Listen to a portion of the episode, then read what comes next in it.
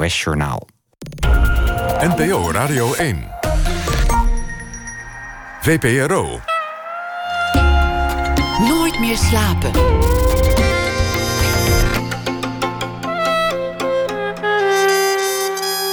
Met Pieter van der Wielen.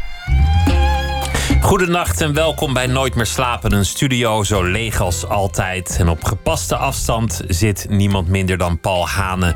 Mijn gast komend uur, de man achter Bert van Ernie, Margreet Dolman, dominee Gemdaad en vele anderen. Maar dit keer kwam hij als zichzelf en ook nog zonder masker. Ik heb bekend heet een eh, bundel met dagboeken die hij heeft geschreven als jonge man. Dat gebeurde van 1958 tot 1965. Wilde hij al eerder uitbrengen, maar op het laatste moment kreeg hij toch aarzelingen. Misschien wel te persoonlijk. Het zijn hele geestige aantekeningen, soms uh, ook een beetje ontroerend. De jonge Hane beziet zijn eigen leven als een journalist voor een sensatiekrant, compleet met koppen. Breaking News. Paul Hane, geboren in 1946. Welkom Paul, wat leuk dat je er weer bent. Ja, ik vind het ook leuk. Het is een beetje een vreemde dag natuurlijk. Normaal luister ik naar dit programma als, je van als ik van een voorstelling uh, terugkom... Uh, prettig in de auto, rustgevende interviews... waar ook, uh, waar ook de tijd genomen wordt voor het interview. En nu heb je geen artiesten in de auto, want er zijn geen voorstellingen meer. Heeft het, heeft het ook impact voor jou of, of was jouw tournee net klaar nu? Nee, ik zou vanmiddag. Nou, ik zou nou een signeer uh, sessie doen. Uh, van, vanmiddag in Den Haag. En uh, zondag in Amsterdam, Scheltema. En ik ben nog op, met mijn theater op tournee. Nee, het was nog heel druk. En ik zou maandag een paar dagen naar Frankrijk gaan. En ineens, uh, ja, vanmiddag gaat altijd heel snel alles geannuleerd. Ja, ik heb altijd ook dan ook een raar genoeg een prettig gevoel. Dat ik denk, eigenlijk is dat ook weer een soort vakantie. Terwijl je ook wel angst wordt aangepraat. Want mensen boven de 70, die, uh, ja, die zijn het meest kwetsbaar. Jij valt nu in de kwetsbare groep. Ja, de echte kwetsbare groep. Maar ook niet alleen kwetsbaar dat je het eh, virus sneller krijgt. Maar ook kwetsbaar als het uh, echt heel druk wordt in de ziekenhuizen. Dat je niet meer toegelaten wordt. Dat je gewoon buiten dood moet gaan, eigenlijk. Die dreiging zit er ook in. Want ze hebben protocollen die voorschrijven... op een zeker punt moeten we keuzes gaan maken... en boven de 70 kom je er dan niet meer in. En, en pas geboren, dat vond ik ook zo gruwelijk. Ja, dat is ook dat. Maar dat vind ik ook wel heel erg. Maar dan, dan, dan ken je natuurlijk een hele lijst. Dan ken je ook de, de depressieven die toch al willen stoppen dat die ook uh, niet meer hoeven. En de mensen die nog een zware operatie krijgen, of de mensen met kanker, dat die niet meer voor. Je krijgt waarschijnlijk. Wordt het toch nog wel uh, dan. En de grens gaat dan ook weer naar beneden als het heel druk wordt. Dan wordt 60 de grens, denk ik. Dus het, er zijn wel allemaal dingen waar je over gaat denken.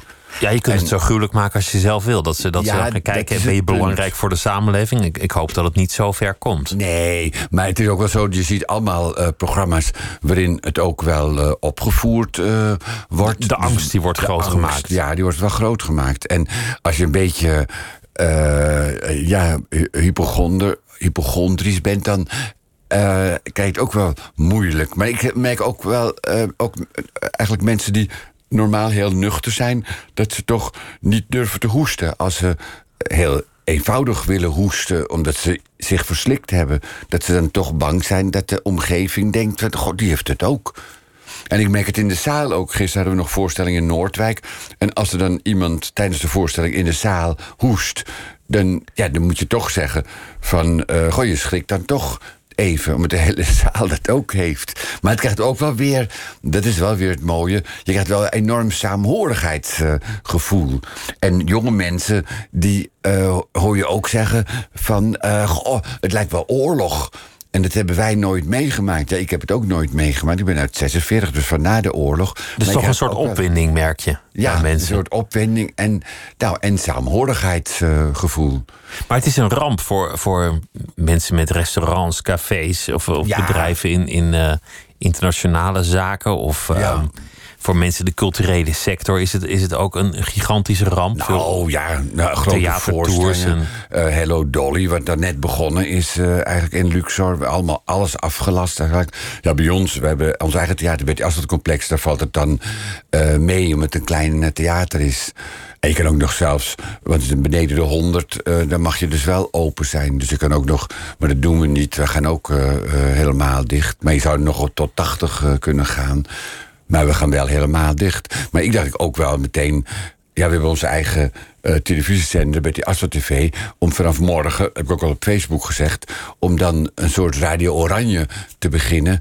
En elke dag een uur lang eh, uitzending te maken voor de mensen die nu thuis zitten en die ook wel een beetje verstrooiing moeten hebben. Want je, je, de, de informatie is goed, dat het allemaal nog erger wordt waarschijnlijk en dat het ook nog langer gaat duren en dat het Songfestival misschien niet doorgaat en dat het ook eh, een, dat heel veel eh, virus onder de radar zit, dus dat je het van iemand niet, dat je het niet merkt aan iemand want hij heeft geen, ui- niet de uiterlijke verschijnselen.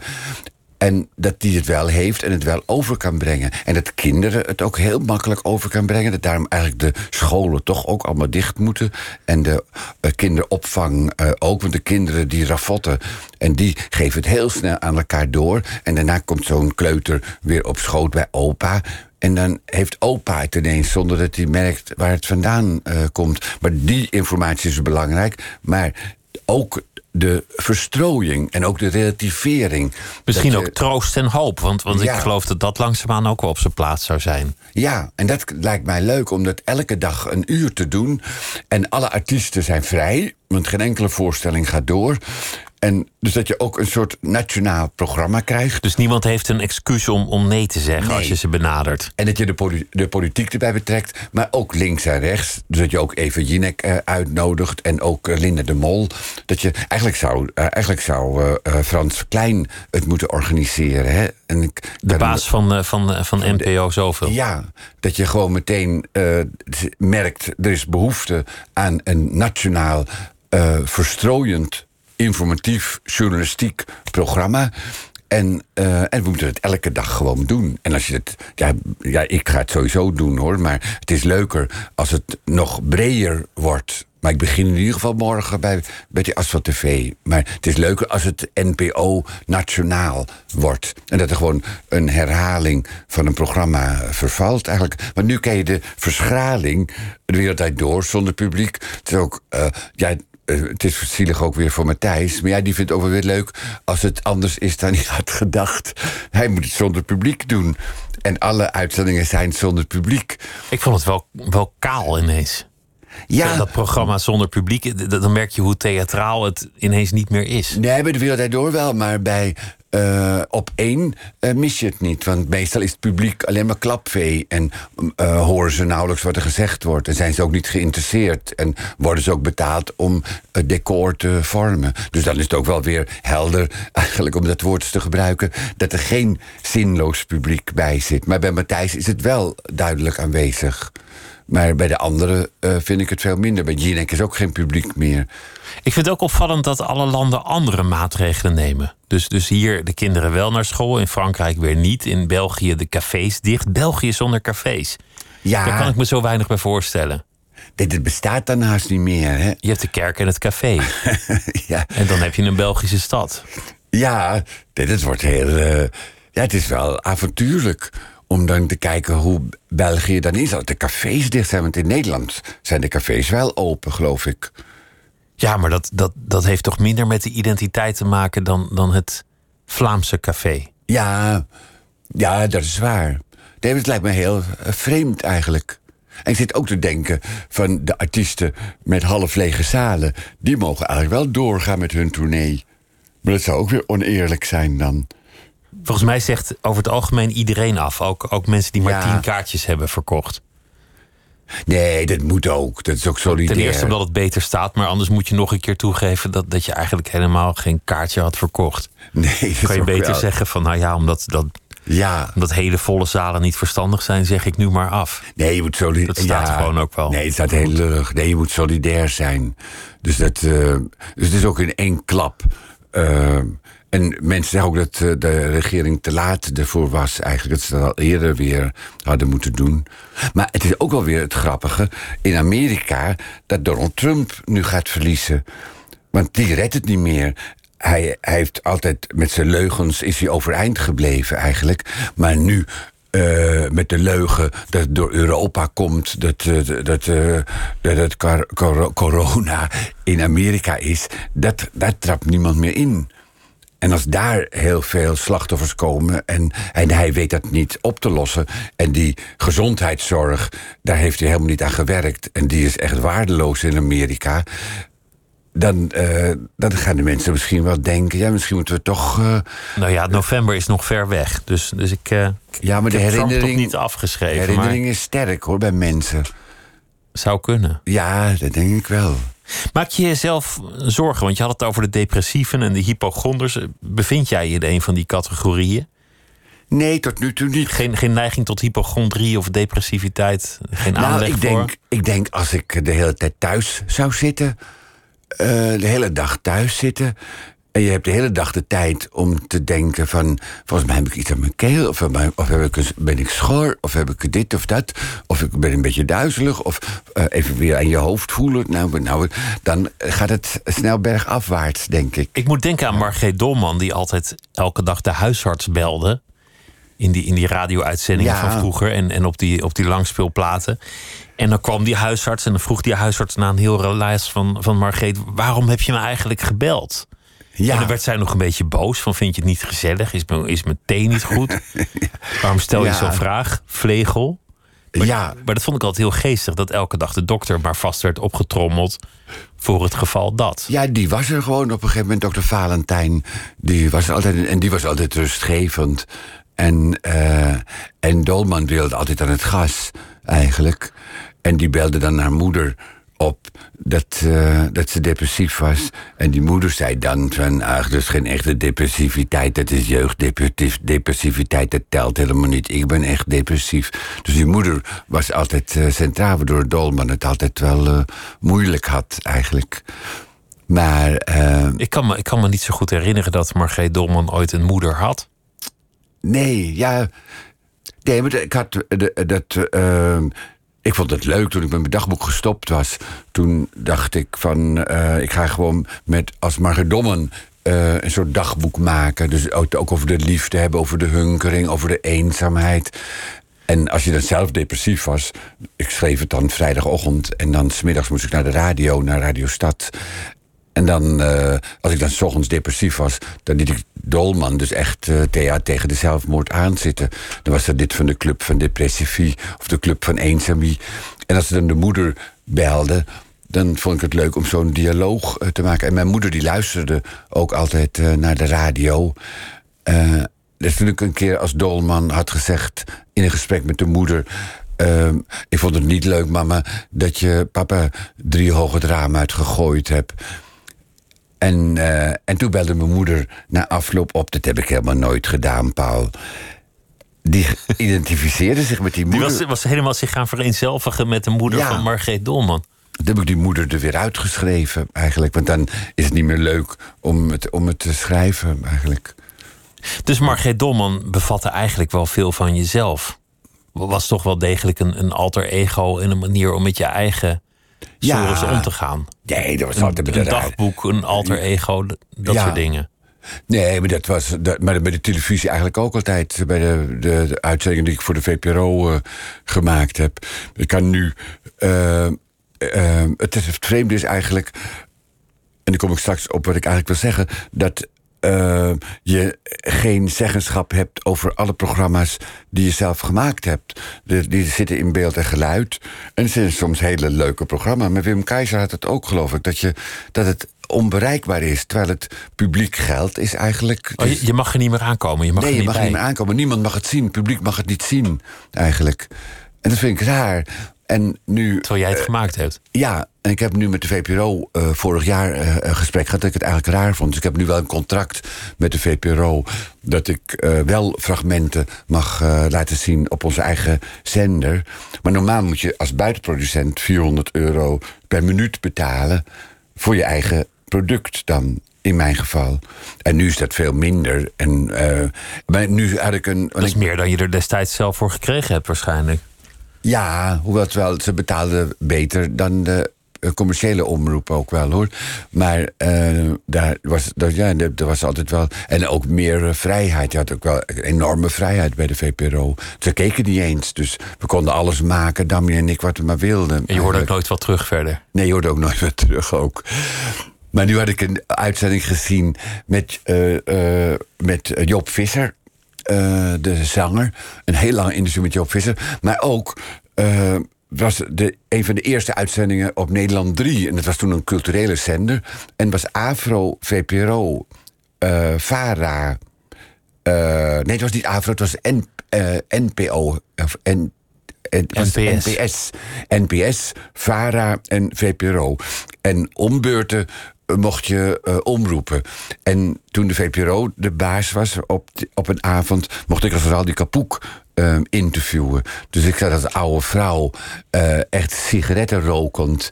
Uh, dus het, het, niet te interviewen, maar uh, het, programma aan te kondigen. Van u kijkt uh, nu naar, de, naar Nederland 3. En namens het team van VARA en NPS en PPRO heet ik u hartelijk welkom. En ook namens mezelf. En, en we gaan nou overschakelen naar de Hanen voor de Nacht. En het was. en het was eigenlijk een heel leuk programma. Ik zag het terug. En uh, met, met ook gesprekken met mensen die wat beleefd hadden. En ook, en ook, er was ook, zat ook Bob en Emmy in. En Emmy, die kon niet slapen. En Bob wel. En er was, was een dialoog. Uh, en, en normaal ging Bob, die viel daar goed in slaap. En dan zegt Emmy van, nou, ik wil nou ook slapen. Dan zegt Bob, nou, ga jij er maar slapen. En dan zorg ik wel dat je blijft slapen. En zowel Bob als Emmy konden van elkaar uh, de terugkerende droom herkennen. Dan maakte ze een geluidje. Bijvoorbeeld Bob, dan zei hij... Uh, uh, nou, dan had hij... Nou, in ieder geval maakte hij een geluid... en dan herkende Margreet... de zag Margreet dat hij de terugkerende droom had... van dat hij met, in een bootje met zijn Franse lerares was. En nu maakte Emmy geluidjes... En toen zegt Bob, ja, nu droomt ze dat ze in de jeugdprostitutie zit. Dat Emmy in de jeugdprostitutie zit. En, en dan zegt Emmy, ja, mama, maar ik wil het niet. Ik wil het niet. En, uh, en, dan, en dan zegt Bob, maar ik wil haar laten slapen. Dus ik ga nu de stem van haar moeder nadoen. En dan uh, zegt Bob, ja, maar je moet het doen, Emmy. Want we hebben het geld nodig. En dan uh, en Emmy zegt dan, ja maar mama, het is zo'n vieze man. Dat doet er niet toe, je moet het doen. Wees een, flinke, wees een flink kind. En dan op een gegeven moment... ja, je zou het nou misschien niet meer uit kunnen zenden... Uh, dan zegt Emmy, mama, mama, mama, wat heb je een rare stem. En dan zegt Bob, niet zeuren, Emmy... En dan uh, gaat Bob met de rug naar Emmy. En Emmy wordt dan wakker. En die is dan rechtop. En dan zegt Bob, nou, vooruit, nu aan het werk. En dan wordt Emmy kwaad. En dan zegt ze, godverdomme, wat zit je, wat gemeen ben jij, wat een vals iemand ben jij. En uh, dat, dat, dat. En die scène, uh, ja, eigenlijk, ja, die ga ik nu weer uh, op het Aswat TV zetten. En dat, vind ik, vond ik wel, dat blijkt, is wel tijdloos ook, eigenlijk. Of zou dat, gaat het te ver? Want jij hebt goede smaak. Nee, dat... nou, ik, ik, moet er altijd heel hard om lachen. Ik heb die, die platen vroeger grijs gedraaid van Margreet Dolman. Die vond ik altijd ontzettend geestig. Ja, en dat ging eigenlijk ook altijd wel kan, ver. Kan je mij de gaslang aanreiken? Oh ja. het leven zat. Oh, dat vond, dat vond ik altijd hilarisch. Maar is het, is het want, want met die interviews is het natuurlijk ook wel fijn dat je een alter ego het interview laat doen. Want er was vorige week en, en, en de weken daarvoor heel veel over Ischa Meijer te doen, die dan zoveel ja. de hele tijd dood is. En, en die kon natuurlijk in interviews heerlijk onaardig zijn. Maar, maar dat kan je natuurlijk ook doen als je gewoon iemand anders bent. Je zet een pruik op en een stem op. En dan zal niemand je ooit verwijten dat je te ver bent gegaan of een, onbetamelijke vraag hebt gesteld. Nee, maar het is ook dat je aan de ander duidelijk maakt dat je. Uh, dat het ook een spel is, het interviewen. Dat, het niet alleen dat je niet alleen uit bent op de informatie, maar dat er ook een extra laag bij komt. Oh, toch een soort amusementslaag. Ik had een heel leuk gesprek als Margaret Dolman met uh, Jochem Meijer. Die dus, uh, ja, normaal denk ik, moeilijk te interviewen is. Omdat hij eh, ja, toch eh, eh, in zijn humor onberekenbaar is. Maar hij was vanaf het begin, vanaf zijn jeugd, van zijn veertiende... fan van uh, Margaret Dolman. Hij was naar een voorstelling gegaan, ook in Zutphen... met zijn ouders. En, eh, en dat was de eerste voorstelling, eh, de eerste cabaretvoorstelling die hij zag. Dus hij had ook een, een, hij heeft een affiche, of had een affiche boven zijn bed van eh, Margaret Dolman. Dus ik had hem geïnterviewd. en dat was. En, dat, en dan is het echt een soort spel. Want je interviewt hem, omdat ik. Ja, ik kan go- goed interviewen, als ik het zelf. En dat vind ik ook leuk. Dus ik heb het ook waarom hij naar SBS gegaan was. Dus hij zei ook van, eh, nou, het was een bod wat ik niet kon weigeren. En ik zeg, hoe ben je dan in contact gekomen? Heeft John de Mol gebeld? Nee, maar iemand anders eh, wel. Ik zeg, dan heb je wel een miljoen gekregen eigenlijk daarvoor. Nee, zei hij, nee, helemaal niet. Ik denk dan wel vijf ton. Nee, ook niet. En met, met toch, toch wel meer dan vier ton dan? Nee, ook niet. Ik zei, nou, dan vind ik het helemaal niet veel. Eh, Maar, maar John de Mol vroeg hem. Wat is, dat is een heerlijke vraag die, die ik hoop ook ooit nog te krijgen. Wat is je omslagpunt? Want Jochem Meijer had aanvankelijk gezegd. Nou, ik Ja. ben toch wel een beetje ge- genegen om dat, om, om dat programma bij de, bij de VARA uit te Ja. laten zenden. En toen zei John de Mol: iedereen heeft een omslagpunt. Oh, Wat is het jouwe? oh ja. Dat vind ik dan... Maar dat bedrag is volgens mij nooit bekendgemaakt. Of heb jij dat er wel uitgekregen? Nee, dat wilde ik niet zeggen, maar wel beneden de vier ton. En dan vind ik het weinig eigenlijk. Wim Kan kreeg een miljoen gulden voor de oudjaarsavondconferentie van de VARA. Dus dat is, dat is de, hoe, een miljoen gulden van eh, weet ik, 40 jaar geleden of zo. Dat is dus eh eh 3 miljoen euro of zo. Maar wat je probeerde te zeggen is dat je dus in die rol van interviewer gaat dat makkelijker als je eigenlijk iemand anders bent. Nou, Dat hij zei, dat je- heeft nog nooit iemand gevraagd. Uh, dat heeft nog nooit iemand over het geld gehad. En hij, uh, het, hij moet ook lachen, natuurlijk. Wat je bij een normaal... Het, is een, het wordt ook een, een soort sketch eigenlijk tussen twee uh, mensen. Dat is, dat, dat, dat is denk ik het grappige. Terwijl een normaal interview met Jochem Meijer... dan is de interviewer blij dat hij Jochem Meijer heeft... en dat er grappen komen en dat er gelachen wordt. Maar de interviewer zelf zal nooit echt aangever worden. En dat kan ik in de rol van Dolman uh, wel. En minder ook in de rol van mezelf, denk ik. Maar was, was Dolman ook een manier voor jezelf om je depressies af te wenden? Want je zei, het werd een soort voortzetting van mijn dagboek. En als ik zelf een depressie voelde aankomen of daarin zat... dan liet ik Margreet een, een sketch doen of een, of een radiosessie... waarin ze weer de dokter belde en met gaslang begon. En dan was het voor jezelf weg. Ja. Zo overmeester je, je dat. Ja, Nee, maar zo. Maar dat he- heeft altijd wel. Ik heb het schrijven natuurlijk pas. Ja, met die dagboeken, daar heb ik het schrijven ontdekt natuurlijk. Maar toen heel lang niet. Ben ik alleen maar gaan interviewen. En toen ik met Dolman weer met schrijven begon. dan merk je ook het bevrijdende van het schrijven. Dat hebben romanschrijvers ook. Dat je. Uh, een bepaald. De, de, je, zit met een bepaald probleem. wat je niet uh, concreet kan maken. En door te schrijven wordt het concreet. Of ja, kan je je uiten. Of ben je onbevangen en onbegrensd. Dat heb, ik, dat heb ik toen als Dolman ook gehad. Maar later ook met het schrijven van toneelstukken. Dat je, de, dat je alles kan doen. Maar dat deed je al heel jong. Want het, het, het, wonderlijke aan deze dagboeken is dat je als kind al gefascineerd bent door het theater, door het schrijven, door de ja. televisie. Uh, als, als, als jongetje hoop je al dat Nederland commerciële televisie zal krijgen. Daar, daar, daar ja. wijd je over uit. En je beschouwt je eigen leven als een journalist. Ja. En dat wordt steeds leuker met, met echt krantenkoppen. En dan zit je er ook zelf bij sensatie. ja. Als, je, als je broer ruzie heeft gehad met zijn vriendin. Oh ja. Sensatie. En, en openhartig ook. Openhartig. En, en ook soms dagboek. Exclusief. Exclusief, ja. En uh, nou, ik was niet voor uh, commercieel. Ik was eigenlijk voor een onafhankelijk tweede televisienet. Ik vond de omroepen, de zuilen. Uh, maar dat was toen veel en veel erger eigenlijk. Hè? Die haat en nijd tussen de zuilen was veel en veel erger. Er was er een keer ook een rel. Uh, dat de, de Siebe van de Zee was voorzitter van de, van de AFRO. of directeur van de AFRO. Maar in ieder geval de hoogste baas van de AFRO. En die had een hekel aan de VARA. En die had eh, in de, op de terras van de Rode Haan, dat was het omroepcafé eigenlijk in Hilversum, had hij gezegd. Eh, terwijl een telegraafjournalist dat hoorde. Die rode rothonden van de Vara. Ik zou ze viermaal willen doorklieven. En dat stond grote kop ook eh, in de Telegraaf. Die sfeer was er. Echt totale haat en nijd. En ik was voor het Weekblad TV. Dat had ik een keer gezien. Was een onafhankelijk televisietijdschrift. Op de Virato. Dat was de, de radio-televisietentoonstelling in de RAI. Eh, zag ik het Weekblad TV. Heel leuk, onafhankelijk blad.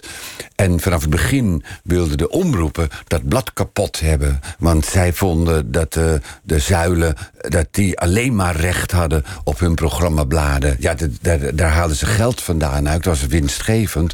Maar de publieke omroep wordt betaald door, eh, via de, via de luister- en kijkgeld. Dus Maar het is zo grappig dat je als, als jongetje al zo'n aantrekkingskracht voelde tot al datgene wat je later bent gaan doen.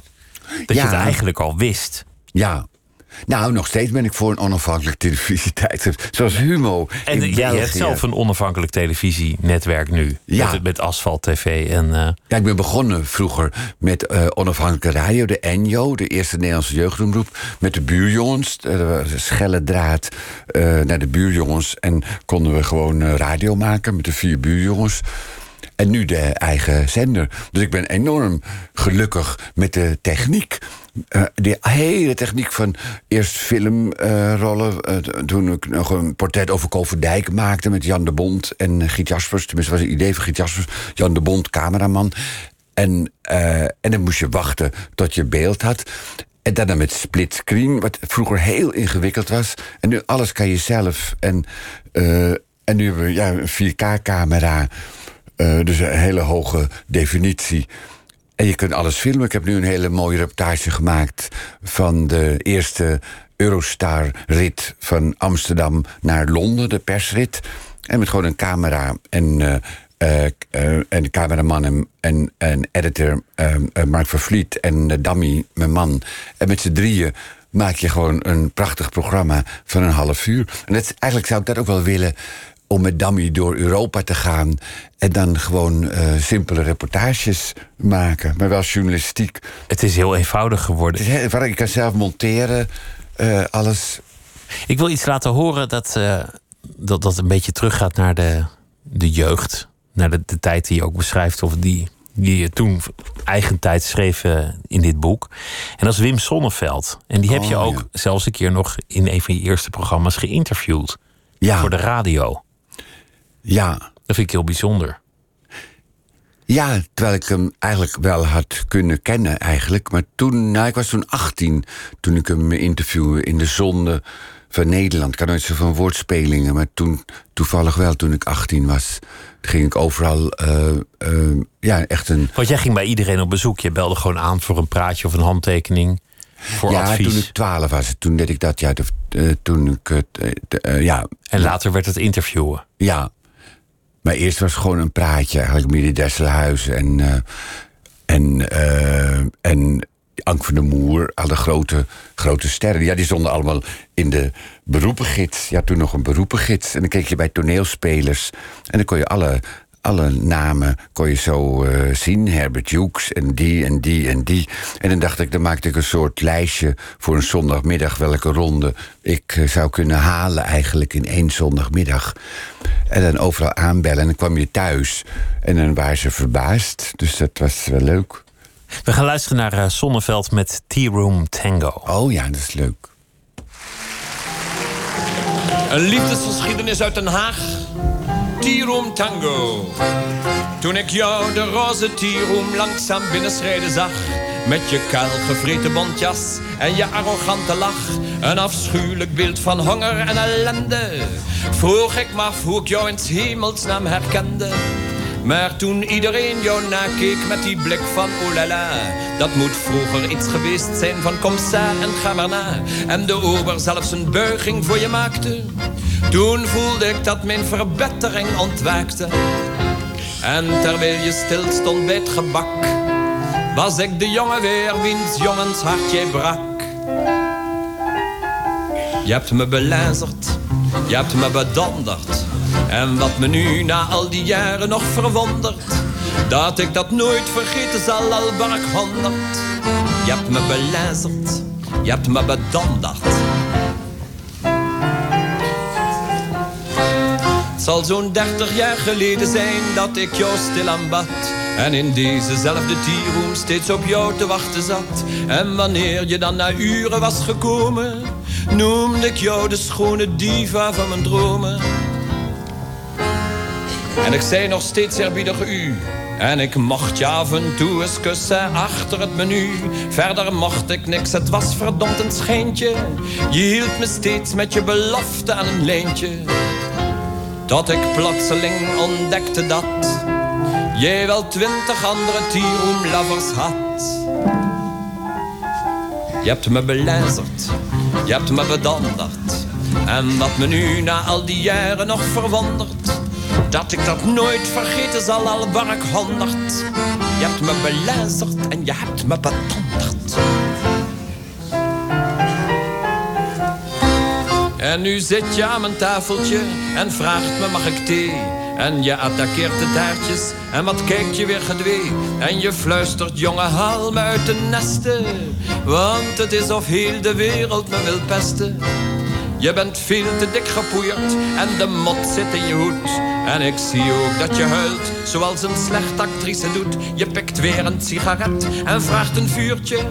En je zegt achter je zevende likeurtje...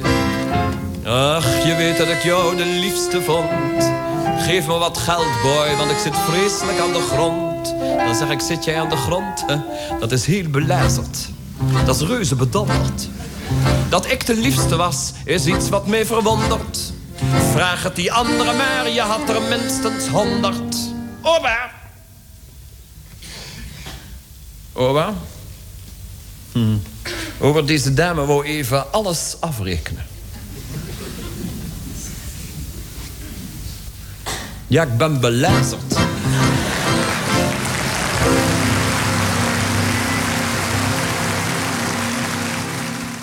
Ja, De bedrogen man, bezongen door Wim Sonneveld. ja, beschaafde satire. Maar ik vind het leuker dan het dorp eigenlijk eh, van Zonneveld. Die heb ik vaker gehoord. Misschien, misschien dat dat ook invloed heeft. Deze is nog wat frisser als ik, hem- als ik hem nu hoor. Ja, en ook wel het dorp is ook een beetje slijmerig eh, eigenlijk, vind ik. En Ook wel heel mooi. ja, in het Frans. Maar dat vind ik in het Nederlands eh, vind ik, heb ik het nooit zo mooi gevonden eigenlijk. Altijd met bietelhaar, met bietelhaar. En echt zo, eh, echt he- heel behoudend eigenlijk. Toen vond je dat, vonden we dat rechts eigenlijk een beetje. Maar dit is, dit is wel bijzonder dat hier de man is, is bedonderd en verbitterd naar de vrouw is. Ja. Dat- en, en de vrouw moet ook afrekenen. Dus, Ja. dus, dus er wordt eigenlijk met het rollenpatroon eh, gespeeld. Ja, dat is wel grappig. Voor die tijd eh, ook. Ja, lijkt me. Paul Hane, voor wie het eh, inschakelt, te gast bij Nooit meer slapen. En de aanleiding is Ik heb bekend. En dat is een bundeling van dagboeken uit zijn jeugd van 1958 tot 1965. We begonnen met de actualiteit en de corona. Ineens behoor je bij een doelgroep waarvan de artsen hebben gezegd... in geval van hoge nood zullen we moeten kiezen wie we behandelen. En dan zou het zomaar kunnen, Paul, dat je over de rand valt. Laten we hopen dat het niet zo ver komt Ja, grimmige tijden. Maar jij zei, moet ook troost komen. Een soort radio oranje. Dat wil je de komende weken gaan doen. ja, maar dan televisie eigenlijk. Maar het is bekend als Radio Oranje. Maar, Maar ook om, om hoop en verstrooiing te geven en, eh, en eendracht te zaaien. Ja, en eh, eh, saamhorigheid. En de mensen, want kijk, het is natuurlijk ook een grapje dat je als je boven de 70 bent. Want ik kan het grapje wel maken, maar mensen die luisteren en die er al beroerd aan toe zijn, die gaan zich misschien echt aantrekken dat ze, dat ze de pineut eh, worden. En mensen die net 70 geworden zijn. Maar dit zijn op dit moment nog allemaal zeer theoretische Ja, bespiegelingen daarom. van het uiterste doemscenario. Dus Ja, en we hebben, nou- dat is wel fantastisch. We hebben een enorme goede gezondheidszorg. met, eh, met eh, enorm bevlogen mensen. En ook veel ziekenhuizen. We hebben er en natuurlijk eh, heel veel geld aan uitgegeven. Maar eh, nu blijkt dat het ook wel heel fijn is. En dat ze dat eh, in Amerika niet hebben. Wat ook zielig is. Maar Eh, want daar is die gezondheidszorg, moet je het zelf betalen ook eh, allemaal. En dat, betekent al snel dat je failliet bent als je iets hebt. Ja. Als je niet eh, optimaal verzekerd Nou, bent. dat mensen, eh, als, dat hoor je toch ook wel met, met eh, kankergevallen. Dat eh, dan op een bedrijf geld ingezameld wordt om, de, om de genezing door te laten gaan of zo. Of de verzorging. Met anders het stopt. Dat hebben wij in Nederland niet. Dus we, hebben sowieso hoop eigenlijk.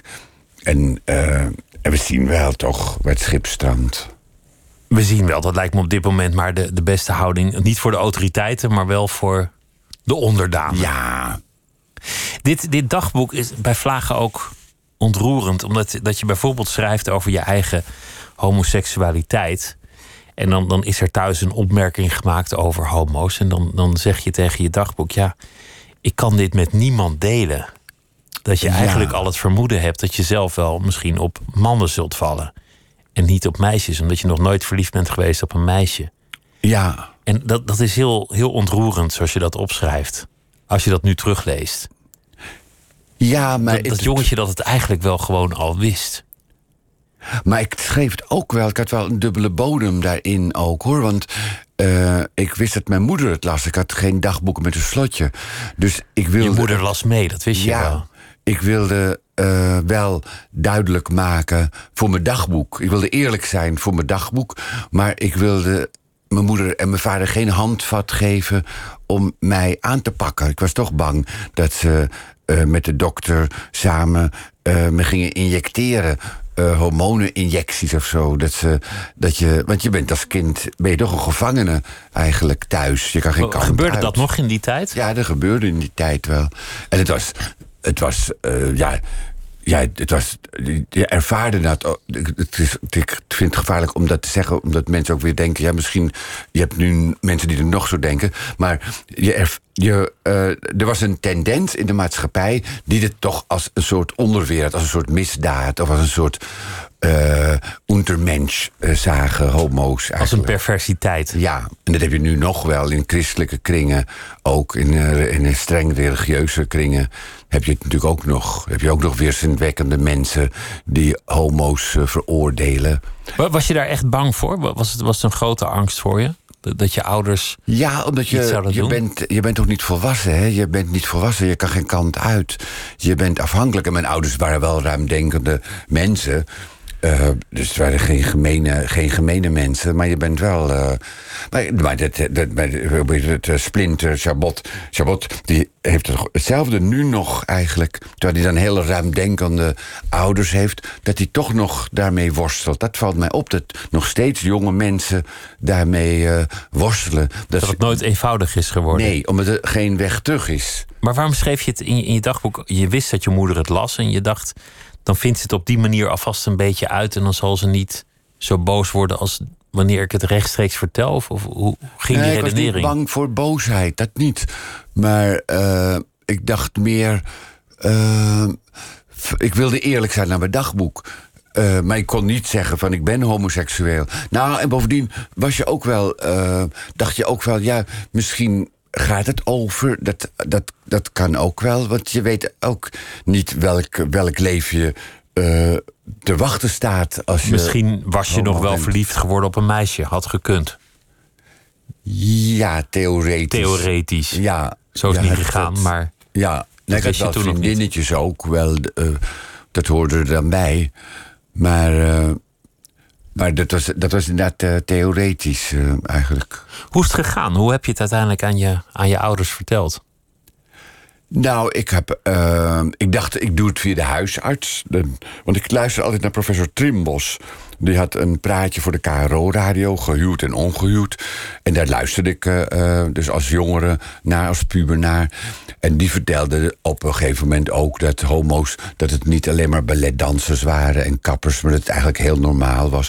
En ook zo'n hele rustgevende stem. Zo, echt zo'n echt zo'n mooie radiostem van... je maakt je, als je homo bent, hoef je helemaal geen zorgen te maken. Dit en dat en dat. Dus ik dacht meteen, nou...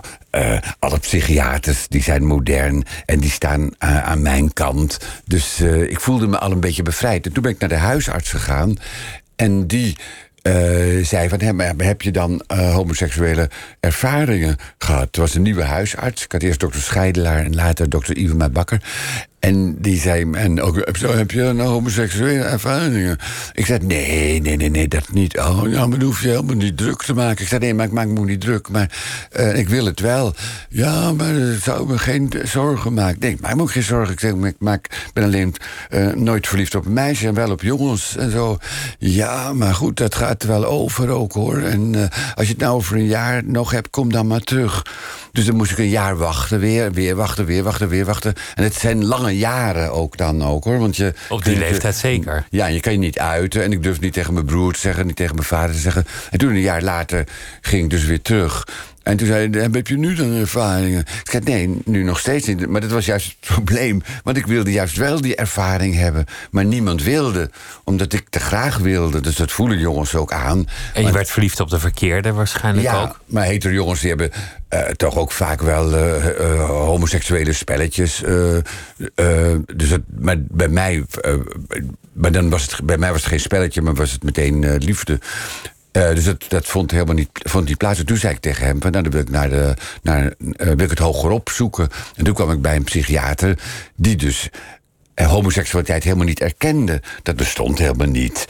En moest ik een psychologische test doen. En toen uit die test bleek van... Ja, dus, ja, je hebt te weinig mannelijkheid getankt. En we gaan nou een traject in... je hebt je niet met je vader kunnen identificeren. We gaan nou een traject in dat je meer mannelijkheid gaat tanken.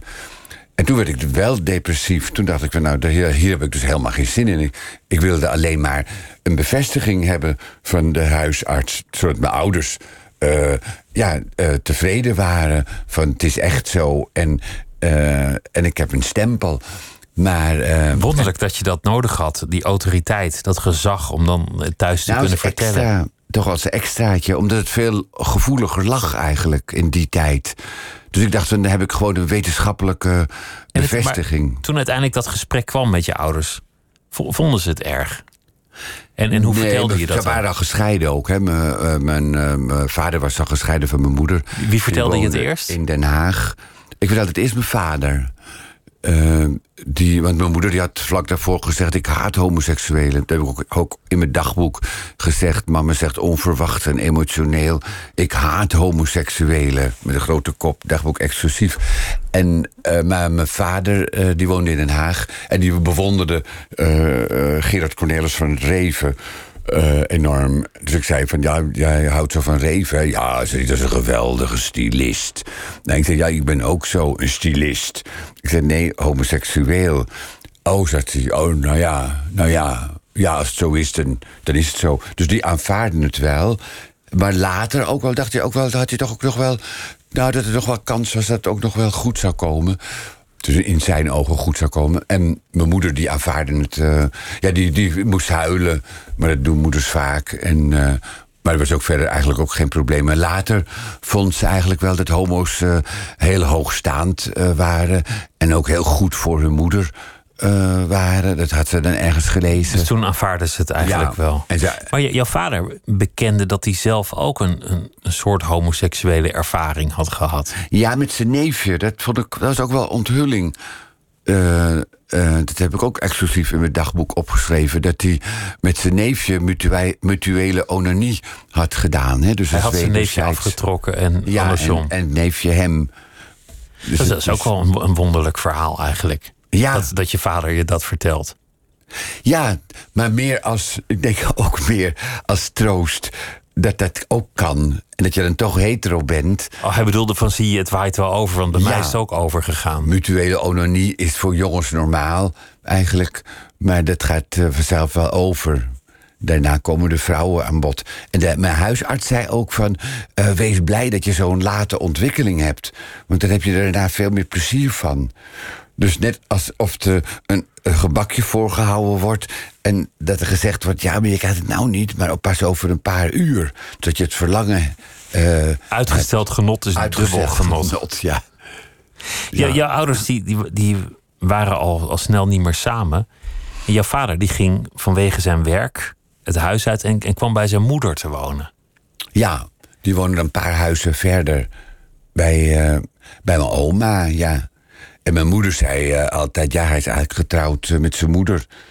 Omdat hij daar altijd eh, woonde.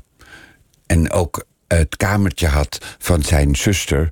En zijn zuster, tante Annie, die, ja, die woonde haast in Zandpoort. En het was een, ja, een provinciaal ziekenhuis voor geestelijk gestoorden. Die was, die was niet goed snik eigenlijk.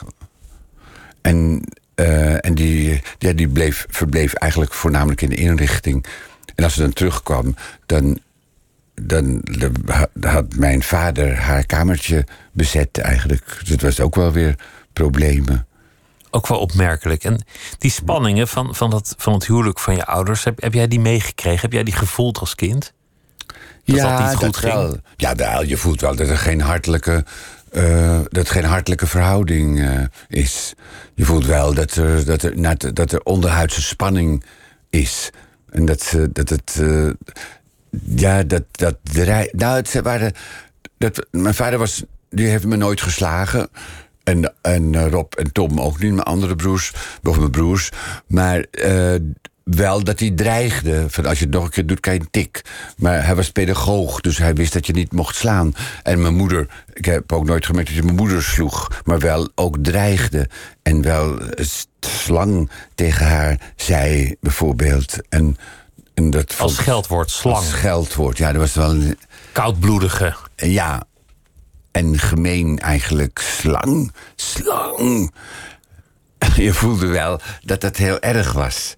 Je voelde eigenlijk al dat de boel ging klappen. Ja, Lang en ik heb ook wel zelf uiteindelijk gestimuleerd ook. Dat ze beter uit elkaar gingen. Want mijn moeder beter uit elkaar konden gaan. Want mijn moeder die wilde het niet. Die eh, wilde toch getrouwd eh, blijven met hem. Maar ze ja, klaagde eh, niet alleen over de straatvrees dat ze dat had. Maar ook over gebrek aan liefde. Wat ze van mijn vader kreeg. Dus jij had dat dagboek echt wel nodig om, om jezelf te uiten. Om door een fictief publiek gelezen te worden, gezien Ja, te worden. Om uniek te zijn, Maar te dat is ook het leuke. Ik denk, en dan ga, eh, ga je eigenlijk weer terug naar deze tijd. Dat journalisten vinden het leuk. En ik voelde me toch een beetje journalist. Dat er wat gebeurt. Dat er spanning is. Dat je er- leven ertoe deed. Ja, dat er, dat er het leven toe deed. En dat er, dat er in de maatschappij wordt gebeurd. Dat er doden gaan vallen. Dat er dit en dat en dat. Dat er een dreiging is. En dat had je met de spanning in het huwelijk eh, ook. Ik vertelde ook trots op school dat mijn moeder straatvrees had. Dat, eh, dat was ook voor mij weer een soort bezit. De, eh, en ook dat mijn ouders gescheiden waren. Dus de problemen thuis. eh, mijn, voor mijn moeder was eigenlijk een soort bezit. eh, de straatvrees, dat heeft ze gekoesterd. Maar ik heb eigenlijk weer gekoesterd de problemen thuis. Eigenlijk. Dat, Wa- Wat je net zei over corona, hoe, hoe vervelend, irritant en naar het ook is, dat er ergens ook in, in die opwinding, in die sensatie, een soort, soort milde blijheidsscheld van er gebeurt iets. Dit is opwindend, Nou, het is ik- spannend. Ik zag Marielle Tweebeke nu net bij eh, Nieuwsuur. En dan zie je haar ogen echt ook wel fonkelen. Van, eh, ja, het is zover. De We eerste hebben- echte grote verhaal. Ja, de, ze hebben de terroristische aanslagen gemist allemaal. Wel geoefend, maar dat is er niet van gekomen. Maar journalisten vinden, ja, dat hoort erbij. Het is ook helemaal niet erg, zoals fotografen ook naar rampgebieden gaan. Zo vinden journalisten het ook fijn als er wat gebeurt... en ze kunnen schakelen en ze kunnen deskundigen... en het laatste nieuws melden en een briefje komt binnen... van nou, het, wordt nog erger, eh, dat ze dat voor kunnen lezen. Dus je zag wel, ik zag bij haar de twinkeling in haar ogen...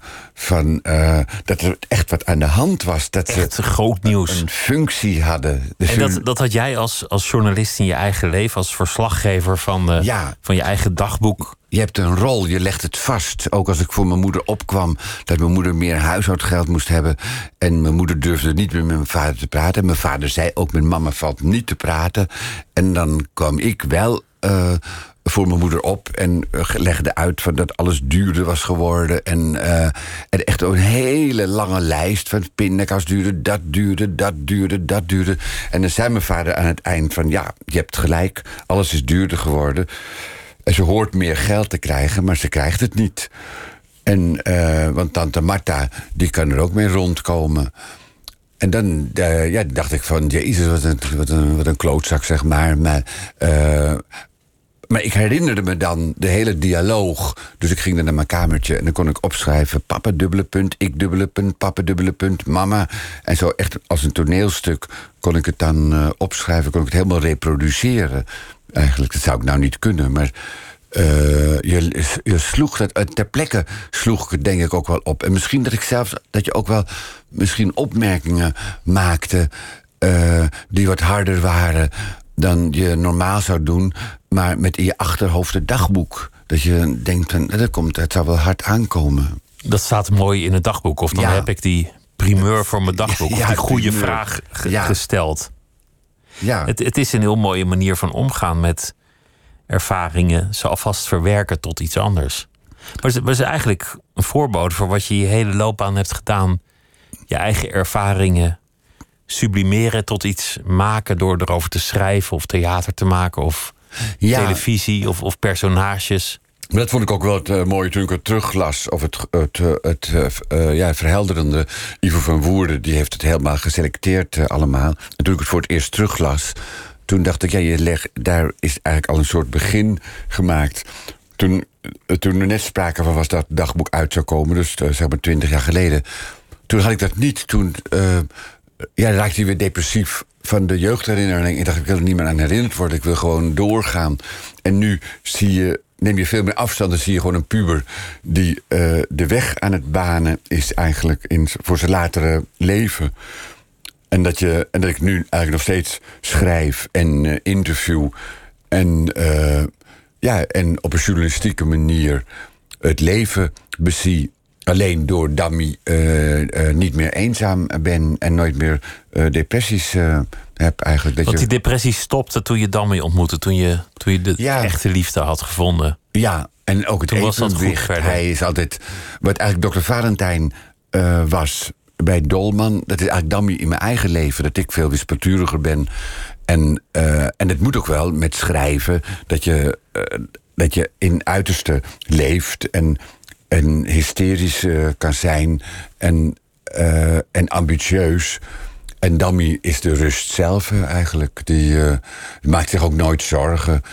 als ik te laat kom, of als, ik, als we te laat weggaan, dan denk ik, ja, godverdomme, we moeten op tijd daar zijn. En dat en dat. En denkt, het komt wel goed. En ik had nu met de taxi heen. Dan, de taxi zou me ophalen in Amsterdam. Uh, en er was een soort misverstand. Dus ik was met de trein. En toen dacht ik, ja, dan kom ik met de trein in Hilversum Centraal aan. En, en dan is, staat er misschien geen taxi. En ga ik lopen. Of dan kom ik te laat in de uitzending. Dus allemaal problemen maken, dat heb ik van mijn moeder, die er nog helemaal niet zijn. Dus dat je denkt van, ja, maar stel je dat dit dan gebeurt en dat dan gebeurt. En bij Dammy gaat alles uh, op rolletjes en loopt het gewoon. Dus, dus die houdt jou ook een beetje rustig in die zin? Maar hoe lees je nu, want, want je wilde het uitbrengen en toen heb je het uitgesteld, wat al best wel gevorderd was. Want uh, het stond al in de catalogus en het was al uh, besteld. En toen dacht je, nee, dit is te intiem. En het deed je zelf nog pijn om het te lezen. Soms. Ik kon het zelf ook niet selecteren. Het waren 5000 pagina's en ik kon het niet. Je had al die schriftjes nog en, en je dacht, ja. ja, wat, wat moet er in, wat niet. En ik sleepte ze ook mee van huis naar huis in vuilniszakken soms.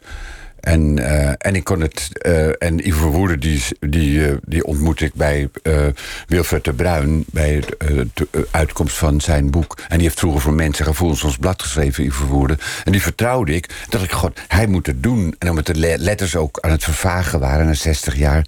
dacht ik, ja, of ik moet ze nu weggooien of het moeten voorkomen. En, en toen is het gescand ook. En dat was voor het eerst dat ze het huis uitgingen. En dat was een spannend uh, moment. Dat je ineens je kinderen uh, in een doos uh, ja, op transport ziet gaan. Want het reisde altijd met je mee. Je ja. hield het altijd bij je. En maar, altijd thuis op slot. en sleutels verstoppen. Dat niemand, Nog steeds. dat er niemand bij kon. Nee, nu, nu niet meer, want nu is het ja, open. Nu is, nu is het open, nu weet ja. iedereen het. Het is, het is grappig dat je dan nu boven de 70 bent en dan dit terugleest. En dan is er toch wel een flinke afstand. En, en ergens lijk je nog steeds op, op dat, dat jongetje. Ja, maar dat is ook het erge, daar schrik ik zelf van. Dat er dus eigenlijk sowieso in die twintig jaar niks veranderd is van twintig jaar geleden. Eigenlijk ik zag de show van je leven met Astrid Jooster... waarin ik gast was, waarin het ter sprake kwam. En toen ik het had ook over dat de, de lineaire televisie... dat het wel afgelopen zal zijn, want internet, tv... dat dat het helemaal gaat maken, dat je snel net krijgt. Twintig jaar geleden, en dat is nu zover. En dat er helemaal... dat je dezelfde instelling nog hebt... En uh, daar schrik ik wel van. Want men, dat er niks verandert, dat jij niet verandert. Want sommige mensen die worden ouder en wijzer. En ik krijg wel meer plezier in het werk. Dat is het punt eigenlijk. Dat je op het toneel veel ontspannender bent. En dat ik denk, ik maak nu vorderingen. Het wordt nu steeds leuker. Maar ik zit nu in de laatste fase, zeg maar. Dus ik moet nu tempo maken. Maar... Uh, ja, ik, ik, heb nou altijd hele enthousiaste zalen en een leuke voorstelling. En ik heb ook het idee met de Dolman Vensterbank gesprekken dat die weer leuker worden dan, uh, ja, dan toen ik bij de VPRO begon. En ik heb geen zendtijd bij de publieke omroep. Maar je, dus wel je eigen zender. Dus ik kan doorgaan. Anders was, het, was, het, uh, was ik met mijn vijftig natuurlijk al gestopt. Maar, maar dan ben je al te oud. Mooi wat je zegt. Ik moet nu vaart maken. De, de tijd wordt schaars. Dat, dat leek die nooit. En ineens ja, tijd schaars aan het worden. Ik denk dat je tachtigste zou het misschien nog kunnen. Maar ja, dan heb ik nog zeven jaar. Dat is ook niet zoveel. Als je nagaat dat die twintig jaar voorbij gevlogen zijn. Dus ik moet wel zorgen dat sommige dingen langzamer gaan. Dat het wat. Uh... ja, daarom is het wel fijn. Dus met het coronavirus. dat ik twee weken ineens uh, ja, cadeau krijgen. Dat je over vrij hebt gekregen, na kan denken. Ja, dat je vrij hebt gekregen en, nou, en weer hele andere dingen kan doen eigenlijk. Maar die tijd heb je net alweer opgevuld door aan te kondigen dat je. Ja, maar dat je dan, televisie voor bandelingen gaat maken. Dan ben je toch wel flexibeler. En ik moet wel de voorstellingen inhalen. Maar, uh, maar het is nu een hele drukke periode geweest, natuurlijk, met de première van de voorstelling in november. Toen 30 voorstellingen in asfalt, eh, die dus allemaal uitverkocht waren. Uh, toen, nou, het boek, dagboek, wat toch heel veel werk geweest voor Ivo ook. Maar ik wilde er bovenop zitten, ook met de opmaak. Het ziet er fantastisch uit. Heel zorgvuldig de echte dagboeken gecombineerd met de rustgevende teksten. En maandag en dinsdag heb ik weer zeven uh, commercials opgenomen voor uh, Prijswijs, voor de reclame eigenlijk. Wat ik ook leuk vind, want ik, schrijf zelf de teksten. En ik vind het leuk om een soap te maken in 20 seconden. Dus nu is het eigenlijk voor het eerst uh, wat rustig eigenlijk. Geniet dus ervan. Ja, dat ga ik ook doen. Was leuk dat je wederom langs wilde komen. En, uh, ja, ik vond het ook leuk. Het boek heet Ik heb bekend dagboeken 1958, 1965. Paul Hanen, dank je wel. Ja, ook bedankt. Het was, me, was ja, plezierig met je. snel voorbij weer. Ja. En uh, zometeen kunt u luisteren naar Miss Podcast. En uh, morgen dan is filosoof Koen Simon te gast. En straks bij Misha Blok, Stefano Keizers. Goeienacht.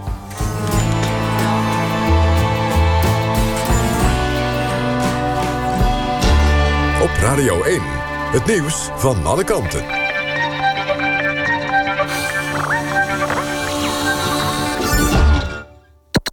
NPO Radio